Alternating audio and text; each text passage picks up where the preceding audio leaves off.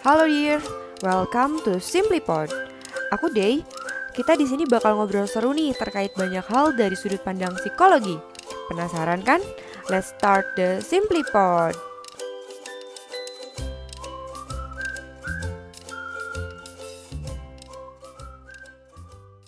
Tamu kita kali ini adalah seorang sarjana psikologi dari UNPAD, juga lulusan Master Degree in Economic and Consumer Psychology from Leiden University, Netherlands. Nah, Mas Agia ini sekarang berprofesi sebagai Consumer Insight Lead di Link Aja. Ya, apa kabar Mas Agia? Baik deh, apa kabar? Sehat ya? Hmm. Selama Ya, sehat-sehat. udah dari Iya. berapa? 10 hari, 50 hari ya? Udah lupa. Em, Iya, udah hampir dua bulan lah ya, Mas. Tapi udah mulai bisa adaptasi ya, udah hampir dua bulan ini. Lama-lama mau nggak mau harus adaptasi. Awalnya juga pasti bikin stres ya, karena apa-apa di rumah gitu kan. Banyak yang ini juga sih. Jadi mungkin awal-awal masih oke ya. Ya, awal-awal mungkin ya jadi nambah libur gitu ya di rumah. Tapi ternyata eh, pas dilihat kerja makin serius, online meeting di Zoom gitu ya dan lain-lain. Mm-mm. Tapi lama-lama juga kebiasa sih. Jadi WFH-nya ini work from home atau work very very Work. harder nih mas? Dari harder kayaknya ini. Udah mulai pengen Hmm, Udah mulai kangen ya ketemu teman-teman meeting offline. Lanjut aja ya mas ya. Ya. Nah kan Mas Agia ini sebagai consumer insight lead di Link aja nih. Itu tuh kan berkaitan sama psikologi konsumen ya mas ya. tuh Dan mungkin masyarakat saat ini lebih kenal sama psikologi itu kayak psikologi klinis atau mungkin psikologi industri gitu. Hmm. Psikologi konsumen ini masih bisa dibilang asing lah ya dengan masyarakat gitu. Nah, sebenarnya apa sih mas si psikologi konsumen ini atau consumer behavior ini? Oke, jadi sebenarnya psikologi konsumen ini sebenarnya cabang ilmu ya, cabang ilmu dari ilmu psikologi yang fokusnya itu pada eh, aspek perilaku konsumen. Jadi individu sebagai konsumen. Kan kalau psikologi yang luas kan kita mempelajari proses mental dan perilaku ya Mm-mm. eh, dalam diri. Nah, kalau ini eh, sama, tapi konteksnya itu lebih kepada bagaimana manusia sebagai individu itu melakukan perilaku konsumsi Hmm. gitu. Jadi kenapa kita membeli barang tersebut atau jasa tersebut, terus juga kenapa misalnya kita tidak memilih satu merek yang yang lain dibandingkan yang lain dan semacamnya. Jadi ini eh, adalah ilmu yang spesifik pada perilaku individu. Jadi ini mikro. Jadi Hmm. bedanya sama ilmu ekonomi gitu ya atau manajemen adalah mereka ini cenderung lebih makro. Jadi mereka juga kayak eh, apa kalau ilmu ekonomi juga mempertimbangkan pasar ya, market sentiment, terus juga dari variabel-variabel lain. Sedangkan kalau psikologi konsumen fokus dan spesifik kepada kita manusia individu sebagai seseorang yang melakukan perilaku konsumsi. Oke, jadi si psikologi konsumen ini ternyata emang lebih spesifik dan lebih mikro ya kalau dibandingkan dengan ilmu yang lain. Dan eh, tadi yang menarik itu gimana sih individu itu bisa membeli suatu barang atau memilih suatu brand gitu dari sisi psikologisnya. Jadi proses-proses itu ya Mas ya. Oke, menarik banget sih. Nah, apa sih yang bikin Mas Agia ini tertarik dengan psikologi konsumen? Oke, jadi dulu eh, aku tuh S1 di psikologi Unpad di Mm-mm. Bandung kan. Terus waktu semester tengah lah ya, semester 4 atau semester 5 kalau nggak salah, eh, aku ikut lomba, lomba dari Mm-mm. Dikti itu. Lomba apa pekan kreativitas mahasiswa. Terus ikut yang Mm-mm. bagian usaha. Nah, wirausaha itu kita waktu itu sama teman-teman di teman-teman kampus juga gitu ya. Semua psikolog itu kita bikin bisnis iseng. Bisnis tas. Kita bikin bisnis tas gitu ya. Terus dari sana kita belajar, belajar bisnis lah ya. Nah, bisnis pada kita sama sekali nggak ada yang punya background finance, background manajemen, background bisnis. Jadi kita semua psikologi, terus nyoba bisnis. Dan ternyata eh, seru. Kita nemuin eh, enjoyment di sana gitu. Terus karena jadi jadi suka nih ilmu bisnis dan eh, tetap ilmu psikologi. Nah, lulus eh, aku ngerasa waktu itu kalau lulusan S1 psikologi ini opini pribadi ya. Itu kayaknya masih masih raw banget. Karena Mm-mm. ketika lulus kita nggak punya strong apa? strong differentiation dibanding eh, yang lain. Kayak contoh misalnya kalau jurusan geologi gitu ya. Geologi kan spesifik ya. Nah, kan udah udah punya kekuatan di mana terus misalnya arsitek gitu kan. Nah, kalau psikologi ini kita tuh jadi cenderungnya generalis ketika lulus. Mm-mm. Nah, habis itu coba cari pengen lanjut kuliah S2. Kenapa? Biar uh, punya differentiation lah, punya added value dibanding uh, jurusan psikologi yang lebih general. Terus pengen mencoba mencari irisan sebenarnya di antara ilmu bisnis atau ekonomi sama psikologi. Terus ternyata ketika browsing-browsing, riset gitu ya, di Indonesia itu belum ada. Belum ada hmm. uh, jurusan yang benar-benar spesifik. Dan akhirnya setelah diskus sama alumni-alumni kampus juga, sama dosen-dosen, ternyata ada jurusan yang sangat spesifik. Namanya Economic and Consumer Psychology. Itu di Leiden, di Leiden University di Belanda gitu. Jadi habis itu nyiapin, ikut uh, daftar beasiswa gitu ya. Terus alhamdulillah kemarin uh, lolos dan akhirnya dapat full scholarship untuk setahun kuliah di sana. Jadi latar belakangnya di situ sih. Jadi pengen mencoba cari irisan di mana ilmu bisnis sama ilmu psikologi. Jadi sebenarnya dari kuliah ya Mas, dari semester 4 atau 5 tuh lagi padat-padat ya praktikum ya? Ikut iya. lomba yeah. dan ternyata berhasil gitu ya. Aku setuju juga nih sama pendapat Mas Agia sendiri ya terkait kalau S1 psikologi kan itu lebih general ya, belum kayak spesifik dan batasan-batasannya pun dibandingkan dengan psikolog gitu kan. Dan mungkin uh, pendengar Simply juga belum banyak yang tahu nih kalau menjadi psikolog tuh harus S2 dulu gitu. Jadi rata-rata oh, mikirnya kayak uh, uh, uh, ketika lulus S1 itu langsung jadi psikolog gitu. Padahal kan untuk kurikulum sekarang tuh harus lanjut S2 dulu ya. Dan tadi yang menarik juga sebenarnya kan ya. uh, di Indonesia sendiri tuh belum ada ya jurusan yang spesifik yeah. ke psikologi konsumen gitu. Uh, Sebenarnya gimana sih kalau sekarang nih di 2020 perkembangan si psikologi konsumen di Indonesia sendiri, Mas? Jadi sebenarnya kalau ilmu uh, perilaku konsumen ya, ini perilaku konsumen, mm. konsumen in general itu tuh sebenarnya banyak dibahas mm. di jurusan-jurusan lain juga, mm. ekonomi, ya, terus juga manajemen itu juga ilmu yang mempelajari pelaku konsumen juga. Uh, edit value dari psikologi konsumen ini adalah kita juga mempelajari proses decision making. Hmm. Decision making yang lebih kepada kognitifnya dan, dan mental dari consumer. Di mana sebenarnya kalau kita mengetahui prinsip-prinsip uh, apa kognisi gitu ya, emosi, ini menjadi edit value bagi para pebisnis atau para marketer untuk membuat uh, iklan, konten atau produk yang bisa relevan hmm. buat masyarakat gitu. Jadi memang kalau sekarang ilmu atau jurusan ya kita mau belajar psikologi konsumen di Indonesia so far aku lihat masih belum ada sih. Tapi kita sebenarnya udah udah bisa belajar lewat online sebenarnya.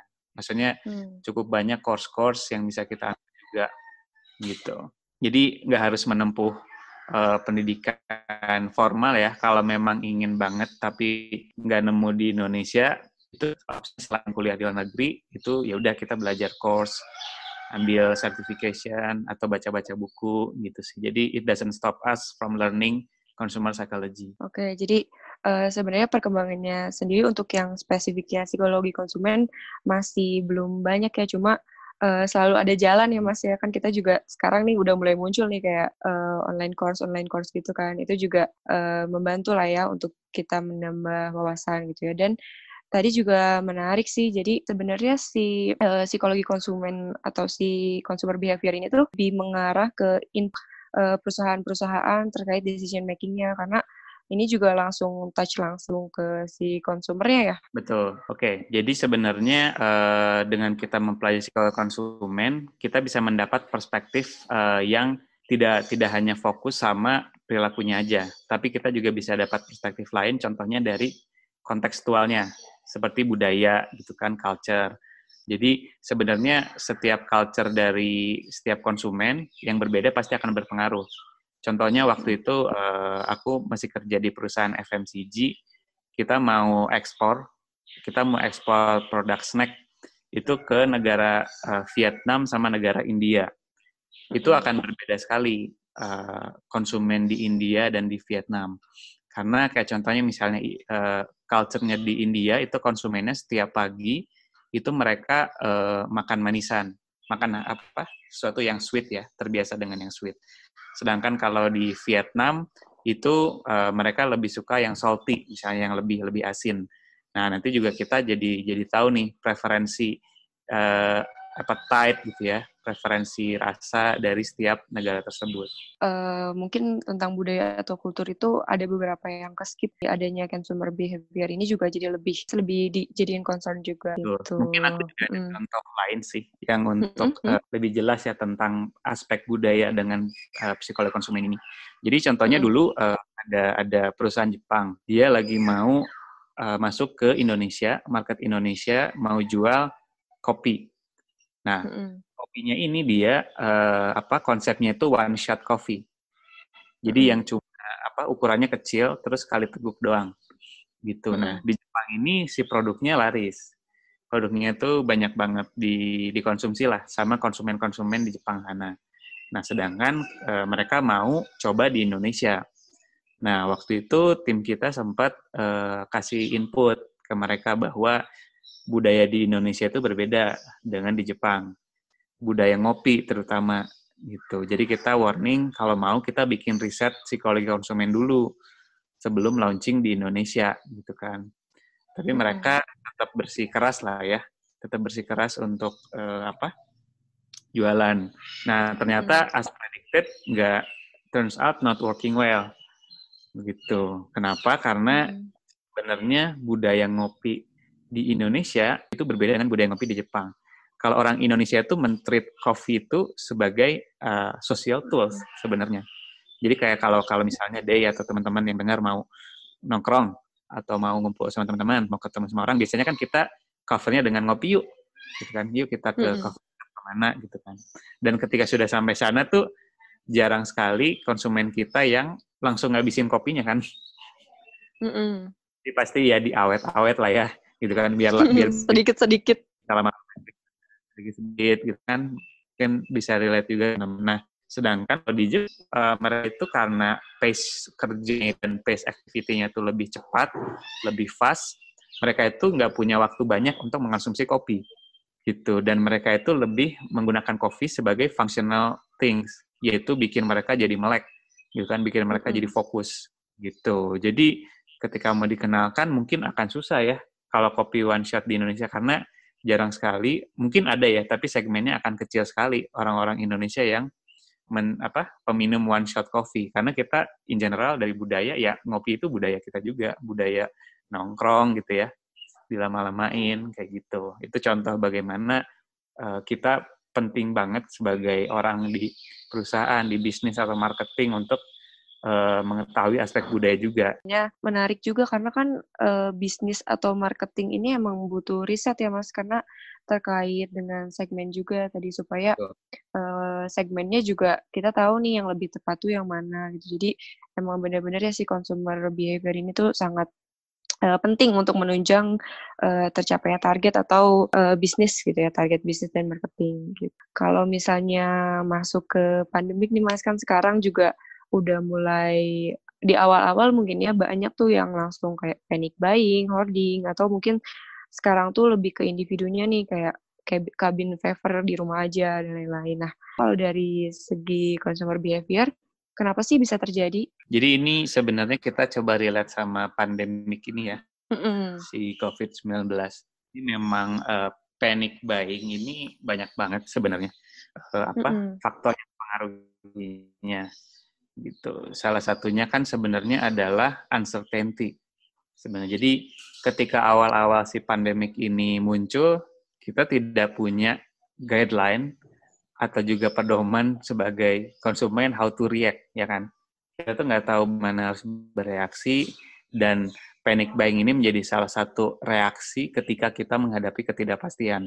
Gitu. Contohnya kan kita nggak tahu nih sampai kapan si pandemik ini berlangsung. That's why untuk uh, memenuhi safety feeling kita gitu ya. Karena kan kita uncertainty ya.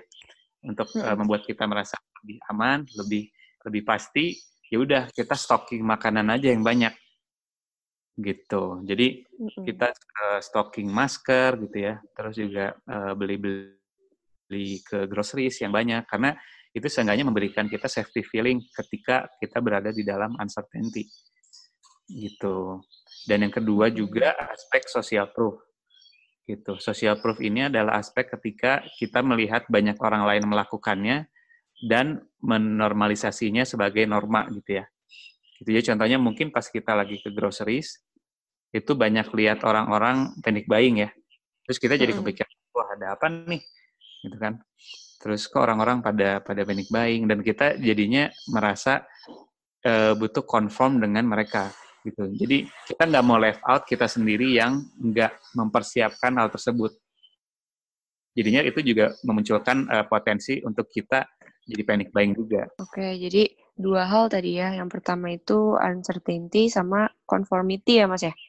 Oke, Betul. karena uh, di masa pandemi kayak gini mungkin bisa dibilang nggak ada yang pasti ya. Jadi kita emang bener-bener harus adaptasi, adjust tiap hari juga kayak ada perubahan-perubahan. Uh, kesediaan pangan juga kan jadi berkurang dan dibatasi ya. Jadi itu juga mungkin yang bisa bikin uh, mereka tuh takut, khawatir gitu. Dan tadi terkait dengan conformity juga salah satu yang berbahaya dari COVID ini sebenarnya bukan hanya si virusnya, tapi juga si panik. Mm -hmm. Paniknya ini mm -hmm. menurut, menurut aku lebih lebih cepat menyebarnya dibandingkan mm -hmm.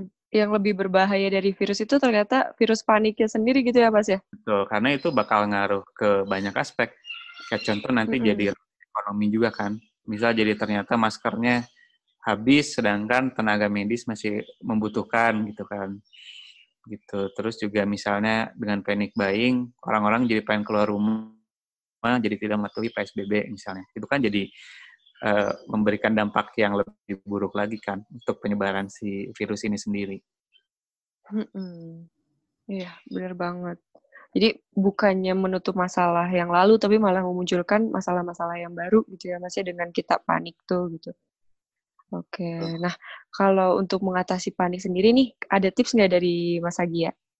Oke, nah untuk panik sendiri, ini kan sebenarnya uh, stems-nya dari fear ya, dan dari anxiety. Jadi kecemasan kita terhadap sesuatu yang tidak pasti gitu. Jadi that's why uh, ketika teman-teman atau yang dengar gitu ya, mungkin panik di awal itu it's okay sebenarnya karena uh, kita tidak bisa sepenuhnya menyalahkan konsumen ketika mereka melakukan panic buying karena it's just the response terhadap sesuatu yang tidak pasti gitu karena uh, kita sebagai konsumen ini tidak dibekali dengan uh, gambaran atau kondisi yang uh, kita tuh harus ngelakuin apa nih ketika kondisi ini seperti ini. It's totally something new ini si pandemik ini. Dan I think ini the biggest apa ya, the biggest event in our generation lah ya, gitu. Dan no one's prepared for it gitu untuk di awal, gitu. Nah tapi yang paling penting adalah sekarang ketika kita tahu dampaknya ketika panik, kita mencari source yang kredibel untuk information, gitu. Jadi seenggaknya kita punya update kita punya pengetahuan yang cukup mengenai bagaimana kita bereaksi terhadap si COVID ini sendiri, bagaimana dampak kita ketika kita menimbun gitu ya hoarding atau panic buying. Dengan itu bisa meminimalisir panik yang bisa muncul terhadap si COVID ini sendiri. Jadi kuncinya adalah uh, knowledge sih, gitu.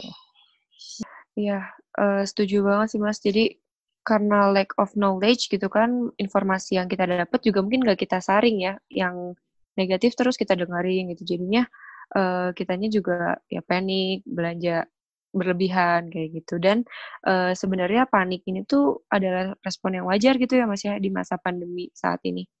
Di awal ya. Tapi ketika mm. terus-terusan panik berarti we don't learn from it. Gitu. Jadi mm. untuk awal I think kita nggak bisa sepenuhnya menyalahkan ya fully fully blame mm. consumer karena ya kita pun sebagai konsumen tidak pernah menghadapi sesuatu yang seperti ini, this massive, dan juga uh, kita tidak diberikan uh, gambaran atau guideline atau arahan atau himbauan untuk seperti apa ketika di awal-awal yang terjadi. Tapi ketika sekarang kan sudah banyak himbauan ya, gitu. Orang-orang sudah dapat gambaran. Jadi uh, I think we can uh, learn from that. Uh, ya bolehlah panik asal jangan terlalu berlebihan ya karena udah lumayan lama juga gitu. Nah, tadi juga kan sempat dibahas ya Mas beberapa impact nih dari pandeminya sendiri. Kita jadi takut, jadi panik, jadi nah kalau spesifiknya impact si pandemik COVID-19 ini terhadap si consumer behavior itu seperti apa sih Mas? Jadi uh, selama masa pandemik ini perilaku konsumen menjadi berubah ya sebetulnya, menjadi bergeser mm -hmm. juga. Gitu yang yang paling kelihatan dan mungkin uh, Day dan teman-teman juga ngerasain ya terkait online shopping gitu ya. Karena terkait kita belanja ya, sesuatu itu juga udah mulai membiasakan diri menjadi online. Gitu jadi si online shopping ini dari yang dulunya tuh mungkin cuma kebutuhannya tuh kebutuhan-kebutuhan sekunder lah ya. Kayak misalnya mungkin baju gitu ya atau mungkin apa hal-hal yang di luar necessities tapi sekarang itu sudah bergeser dari wants menjadi needs gitu ya. Kita juga mulai membiasakan diri belanja online groceries gitu ya, sayur-sayur mungkin ya atau bahan baku makanan gitu ya. Di mana yang dulu mungkin kita biasanya lebih ke offline gitu. Jadi the, the online shopping trend ini tuh not only widening tapi juga lebih deepening, jadi lebih dalam gitu ya. Terus uh, apa? orang-orang juga sekarang kan sekarang dipaksa untuk ini ya tanda kutip dipaksa ya dipaksa untuk WFH gitu ya di rumah gitu jadi kita uh, di, diminta untuk juggling our time between working, living, and playing gitu jadi merging di mana kita harus kerja harus living as usual di rumah dan masa pandemi ini mau nggak mau bikin kita harus playing juga karena kan bakal bosen ya gitu jadi kita mencari source of entertainment yang berubah juga Kayak contohnya misalnya sekarang kita jadi mungkin sering lihat yoga online, misalnya yoga session online, atau jadi sering dengar podcast. Misalnya kita mencari source of alternative entertainment. Mobile gaming juga meningkat, kayak gitu. Oke, jadi uh, selama pandemi ini ada pergeseran nih ya dari needs yang mungkin kita biasa pemenuhannya dengan secara offline sekarang jadi serba online ya dari segi pekerjaan ataupun uh, kebutuhan yang lain. Bahkan uh, mungkin tadi sempat kehilangan garis juga ya Mas karena kan di rumah terus tuh jadi antara kehidupan rumah sama pekerjaan tuh jadi mulai kehilangan lah garisnya agak agak nyampur mungkin ya bagi beberapa ya. orang. Hmm, hal apa sih Mas yang sebenarnya uh, perlu kita perhatiin nih agar kita tuh bisa jadi konsumen yang cerdas nih selama pandemik ini. Jadi Oke. Yang pasti sih kita perlu uh, namanya financial management ya gitu. Jadi kita mm -hmm. perlu aware terhadap cash flow kita sendiri. Gitu. Nah, dan kita juga perlu membiasakan untuk plan buying. Jadi misalnya kita udah ngeplan dulu nih apa yang mau kita beli gitu ya. Terus uh, source of income kita bagaimana karena sebenarnya sekarang itu justru trennya orang akan jadi lebih aware sih terhadap spending dan saving mereka gitu. Karena kayak contohnya misalnya uh, aku sekarang ya sekarang itu jadi apa kayak uh, beberapa yang dulunya spending yang biasa aku uh, lakukan udah nggak ada nih sekarang semenjak jadi di rumah gitu kan.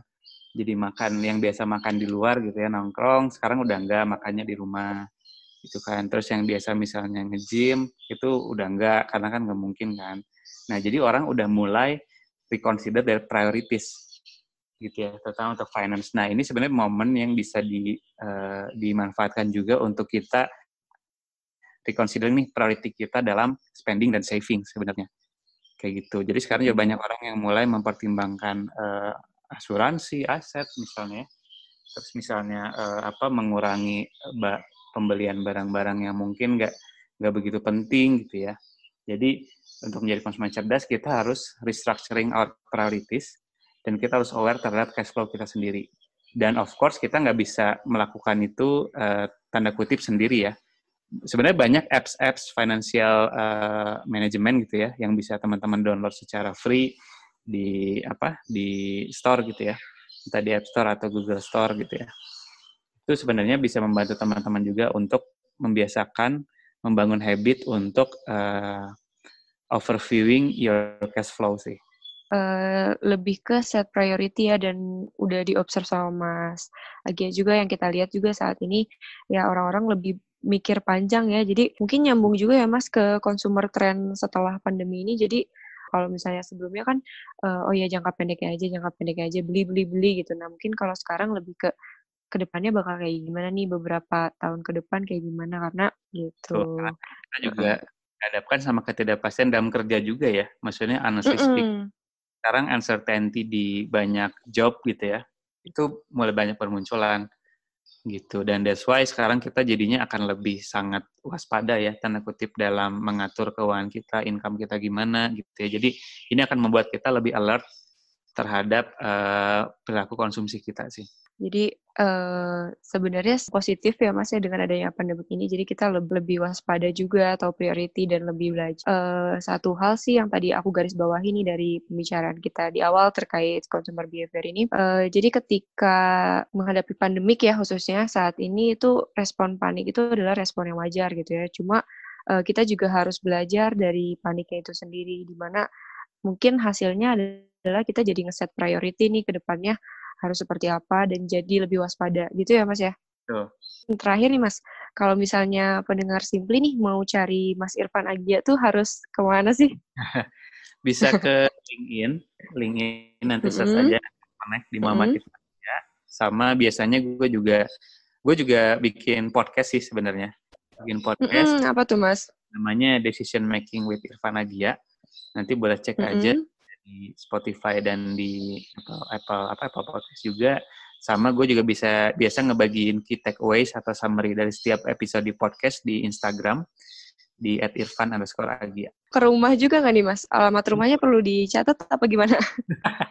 email aja email, e-meeting, e-meeting. Oh iya iya kan uh, consumer trend ya habis pandemi ini. Thank you Mas Irfan Agia, waktunya sangat bermanfaat nih kita sharing-sharing terkait consumer behavior uh, yang sebenarnya masih belum dikenal luas ya sama masyarakat. Thank you Mas, stay safe dan healthy ya Mas. Thank you Day.